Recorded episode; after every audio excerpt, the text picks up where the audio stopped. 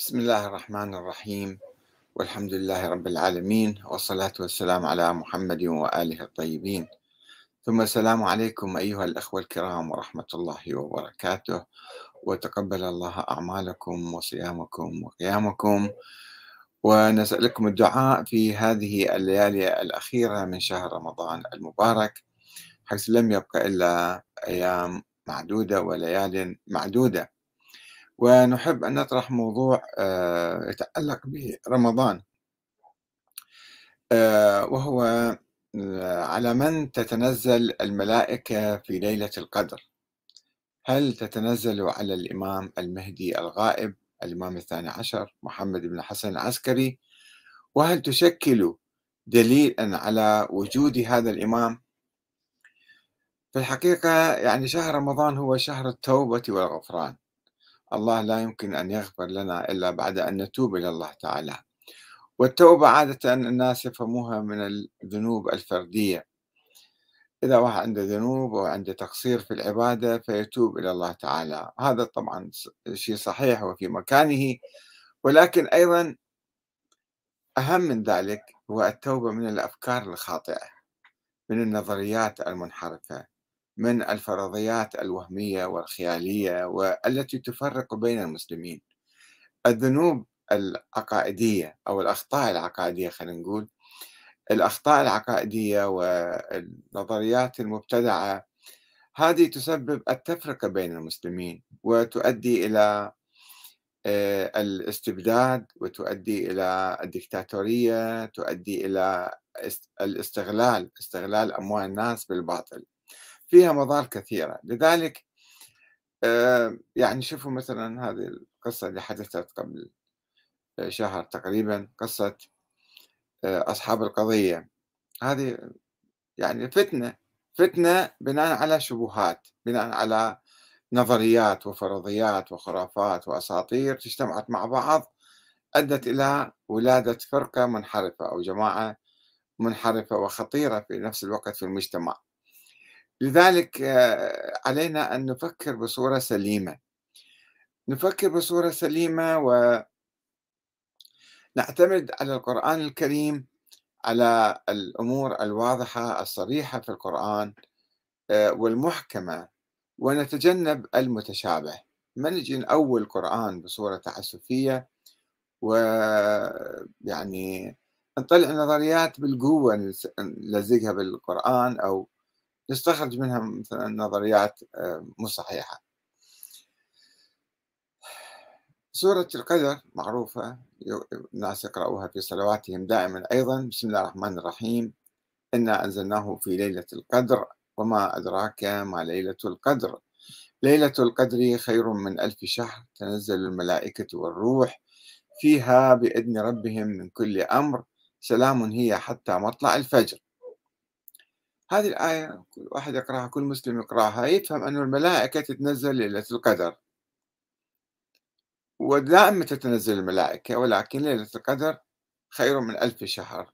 تتنزل الملائكة والروح فيها بإذن ربهم من كل أمر.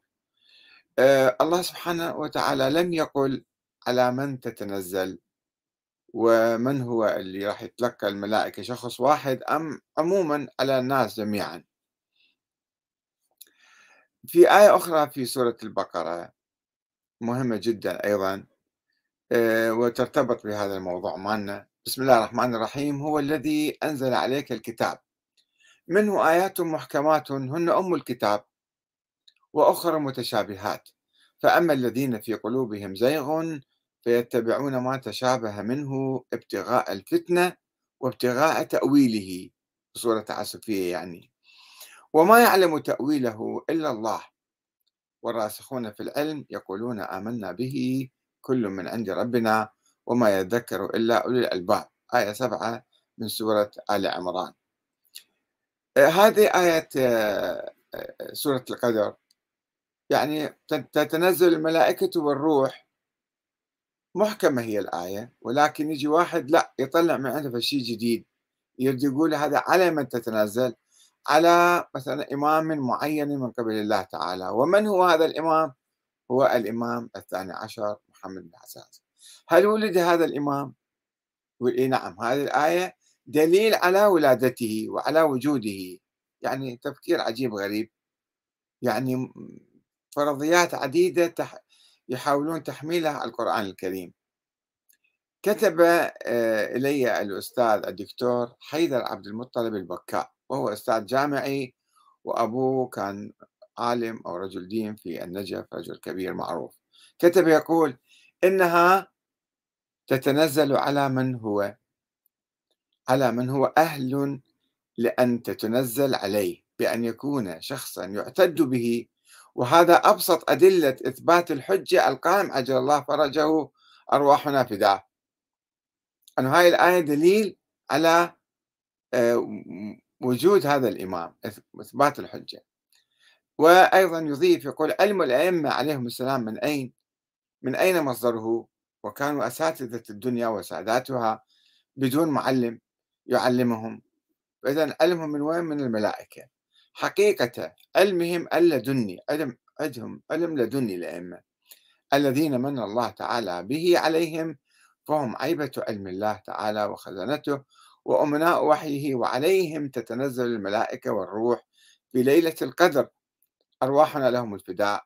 وإلا إذا ما قلنا ذول الأئمة موجودين أو الإمام الحجة موجود فالملائكة وإلا فالملائكة يصبح نزولها عبثيا. وحاشا لله تعالى من العبث. هكذا الأخ الأستاذ الدكتور حيدر عبد المطلب آه، يعني ما أعرف كيف ركب هذه الآية واستدل بها بهذه الطريقة. آه، أيضا أخ آخر اسمه ظافر كاظم يقول شيخنا العزيز على فرض أن الإمام المهدي غير موجود وهو خرافة سؤالي على من تتنزل الملائكة في ليلة القدر في كل سنة؟ حيث أن التنزل مستمر إلى سنتنا هذه لأن تنزل أو تتنزل فعل مضارع يدل على الاستمرارية كما في سورة القدر. فقلت له لو كانت الملائكة تتنزل على أحد معين لقال الله ذلك بصراحة وهل هو شخص واحد موجود إلى يوم القيامة على هذا تتنزل عليه؟ أم يتغير في كل زمان وكل جيل؟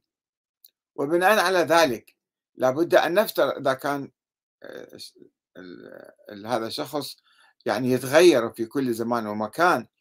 آه، لابد أن نفترض مليون أو مليار إمام إلى يوم القيامة يعني وليس الإمام المهدي وحده كما تظن أو تحاول أن تفترض.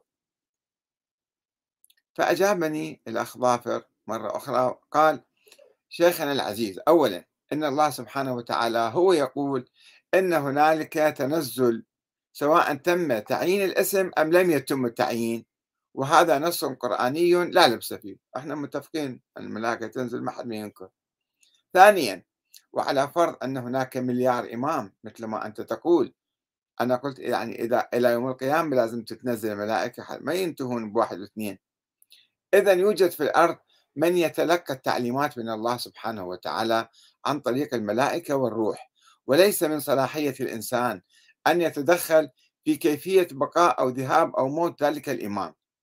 المهم يجب تثبيت أن هناك إله يبعث بتعليمات إلى الإمام وأن ذلك ليس بخرافة.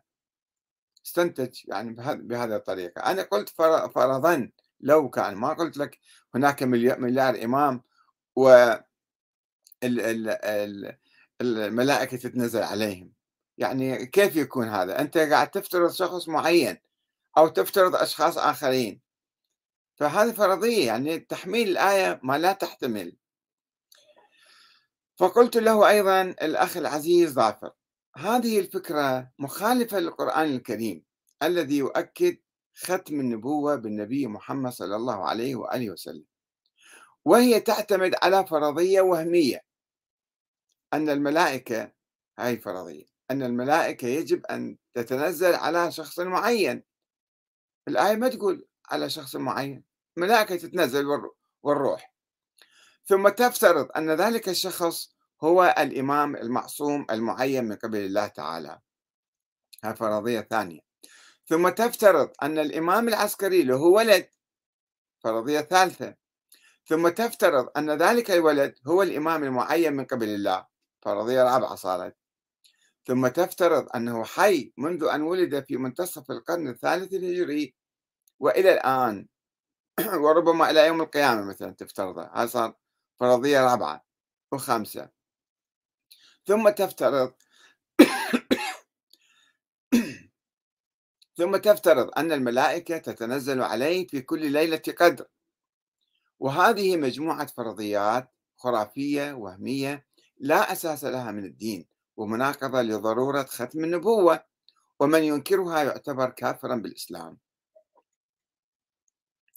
فشوفوا شلون يعني بهالطريقة هذه أكو بعض الناس يفكرون. يعني يحاول يثبت وجود إمام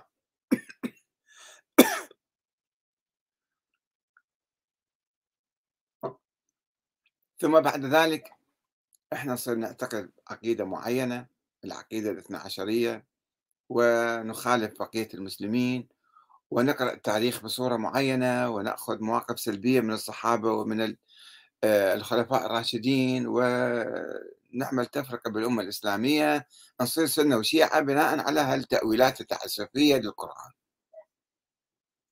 هذا مو صحيح. يجب أن نفكر بطريقة صحيحة. الله سبحانه وتعالى قال تتنزل الملائكة والروح فيها بإذن ربهم من كل أمر. خلص من ما نفكر منو تتنزل عليه؟ ونفترض بخيالنا أن هذا فلان أو فلان.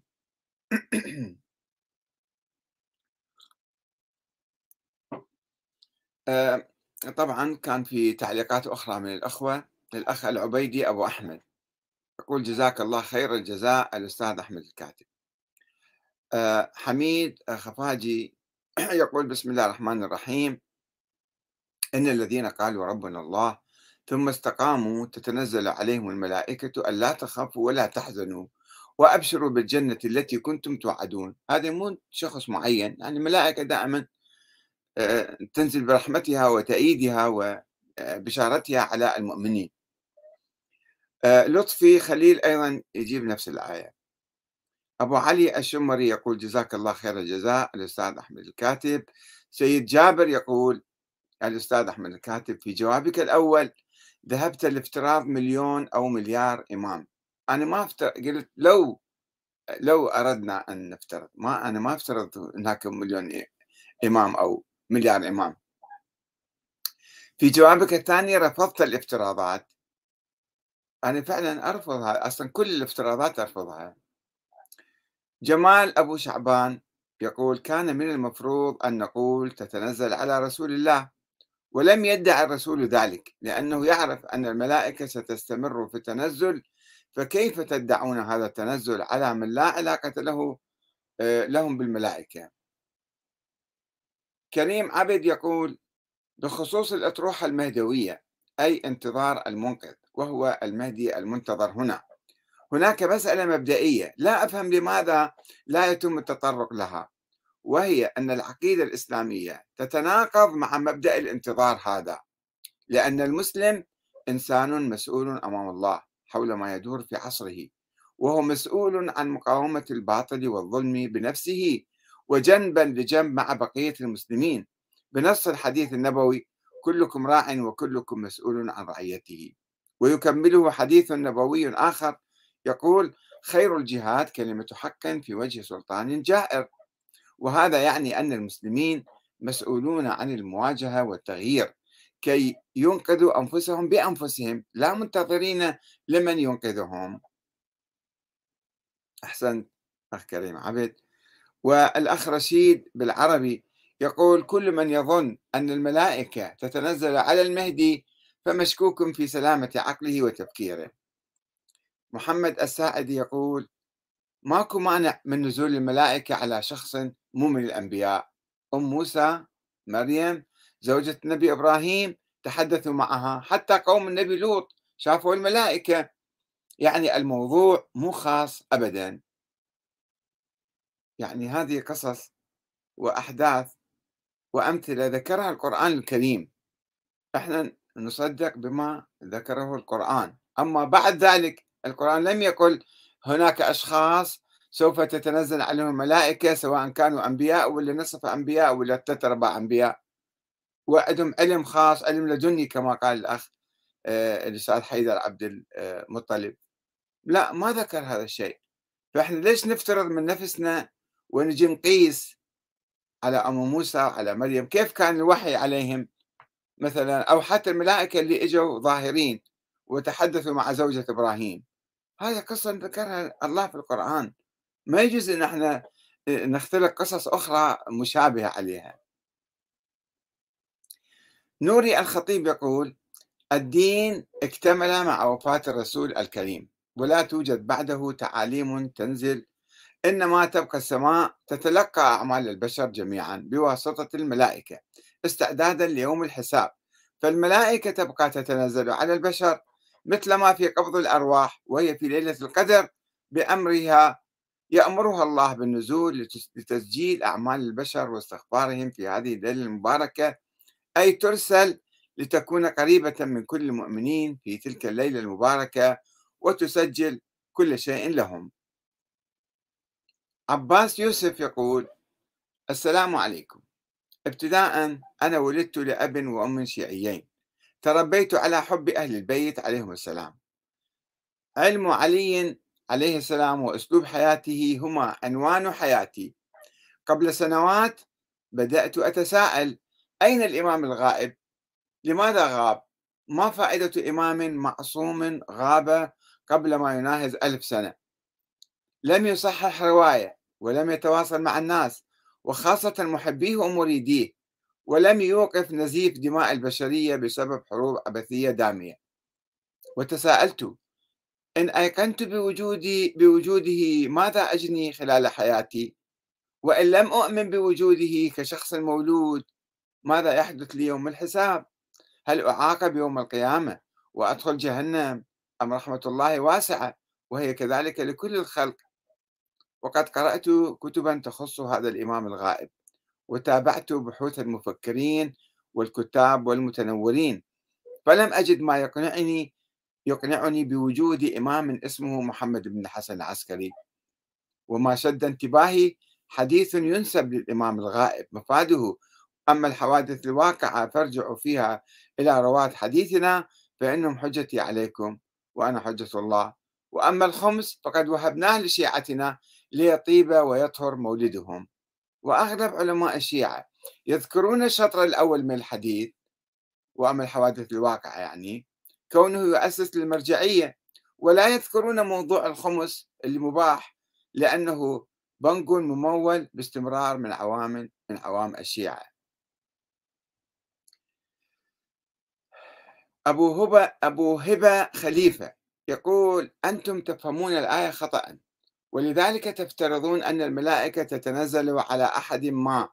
بينما منطق الآية لا يقول أن الملائكة تتنزل على أحد وإنما تتنزل في ليلة القدر بإذن ربها من كل أمر أي أنها تتنزل بأوامر ربها التي أمرهم آه، بإنفاذها في البشر أو الكون أو أو. المهم هو أن الآية لم تقل أن الملائكة تتنزل على أحد من الناس في ليلة القدر. طبعا هذا واضح من الآية. آه، ماجد رشيد آه، أبو عدي يقول أستاذ أحمد أراك تتهرب من الإجابة على سؤال بسيط وواضح وصريح على من تتنزل الملائكة والروح في ليلة, في ليلة القدر في كل عام كما في نص الآية.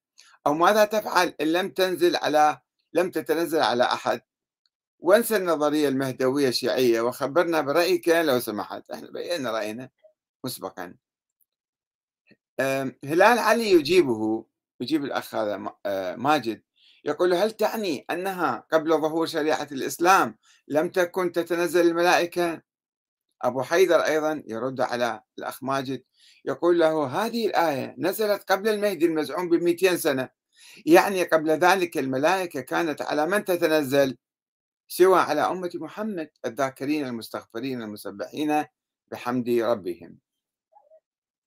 أياد الحسن يقول أحسنت أستاذ أحمد وفقكم الله فيما تطرحونه من حزمة أفكار تنير العقل وتثبت أو تثبت الإيمان وتقطع الشك. منيف التميمي يقول إن الذين قالوا ربنا الله ثم استقاموا تتنزل عليهم الملائكة عموم يعني. ألا تخافوا ولا تحزنوا وأبشروا بالجنة التي كنتم توعدون. آية عامة مو فقط في ليلة القدر هذه. أيمن آه، كريم يقول يخاطب الأخ كريم عبد يقول مسألة الانتظار والمهدي المخلص المنقذ اختراع بشري موجود في معظم الديانات الأرضية والمسيحية واليهودية وكل منهم ينتظر منقذه المخلص ليخلصه من الأديان الأخرى. كريم عبد يخاطبه يقول وجهة نظر جديرة بالتأمل. آه نزار جوحي جاني يرد على الدكتور حيدر عبد المطلب البكاء فيقول له آه آه يقول دعنا من الخرافات خرافات مذهبنا الشريف لأن هنالك روايات وضعها المستفيدون من خرافة المهدي بملايين الدولارات سنويا بحجة خمس الإمام الغائب. ولقد تركنا القرآن الكريم وتركنا القرآن الكريم وتبعنا روايات الدجل والخرافة. أليس الله سبحانه وتعالى خاطب رسوله الكريم صلى الله عليه وآله بآيات كريمة؟ بسم الله الرحمن الرحيم. وما جعلنا لبشر من قبلك الخلد أفإن مت فهم الخالدون. وتعني هذه الآية الكريمة لا وجود لبشر أحياء قبل رسول الله المصطفى صلى الله عليه وآله فلا خضر ولا غيره باق على قيد الحياة. والآية الكريمة التي تفند كل الخرافات بظهور المهدي وعودة النبي عيسى آخر الزمان لأن الله سبحانه وتعالى ذكر آية كريمة لا يذكرها مؤيد خروج المهدي آخر الزمان والتي ذكرها سبحانه وتعالى في سورة النمل بسم الله الرحمن الرحيم. وإذا وقع القول عليهم أخرجنا لهم دابة من الأرض تكلمهم أن الناس كانوا بآياتنا لا يوقنون. فلو كان وجود المهدي آخر الزمان لذكر خروجه مع الدابة أو قبلها أو بعدها. وما الذي يفعله المهدي؟ وهل هو رسول أو نبي؟ والله سبحانه وتعالى ختم الأنبياء والرسل بالمصطفى محمد صلى الله عليه وآله. وختم الدين وأتم نعمته على العالم أجمع بالدين الإسلامي. فلا نبي ولا رسول بعد رسول الله ولا دين غير دين الله الإسلام. وآيات القرآن الكريم كثيرة بهذا الشأن وكلها تنفي خروج المهدي لهداية الناس من جديد. ولماذا يظهر الإمام المهدي ليقيم دولة العدل الإلهي؟ أليس الله قادرا على ذلك؟ وهو القائل سبحانه وتعالى مخاطبا رسوله الكريم ولو شاء ربك يا محمد يعني لأذن لأهل الأرض كلهم في الإيمان بما جئتهم به فآمنوا كلهم. فيجيب آيات عديدة ولو شاء ربك لجعل الناس أمة واحدة ولا يزالون مختلفين إلا من رحم ربك. ولذلك خلقهم وتمت كلمة ربك لأملأن جهنم من الجنة والناس أجمعين.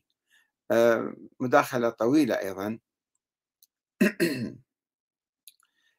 الأخ أحمد الجنابي يقول كبار مراجع الشيعة يعرفون جيدا بأن عقيدة المهدي فرضية لا أصل لها ولكن لا يتجرأ أحد منهم القول بذلك. التشيع إن لم يتخلص من عقيدة الإمامة ستنفرض سبحته هو صاير تطور بالحقيقة. الآن الشيعة عموما يؤمنون بالنظام الديمقراطي أو بولاية الفقيه اللي هي هم أيضا نظرية ديمقراطية.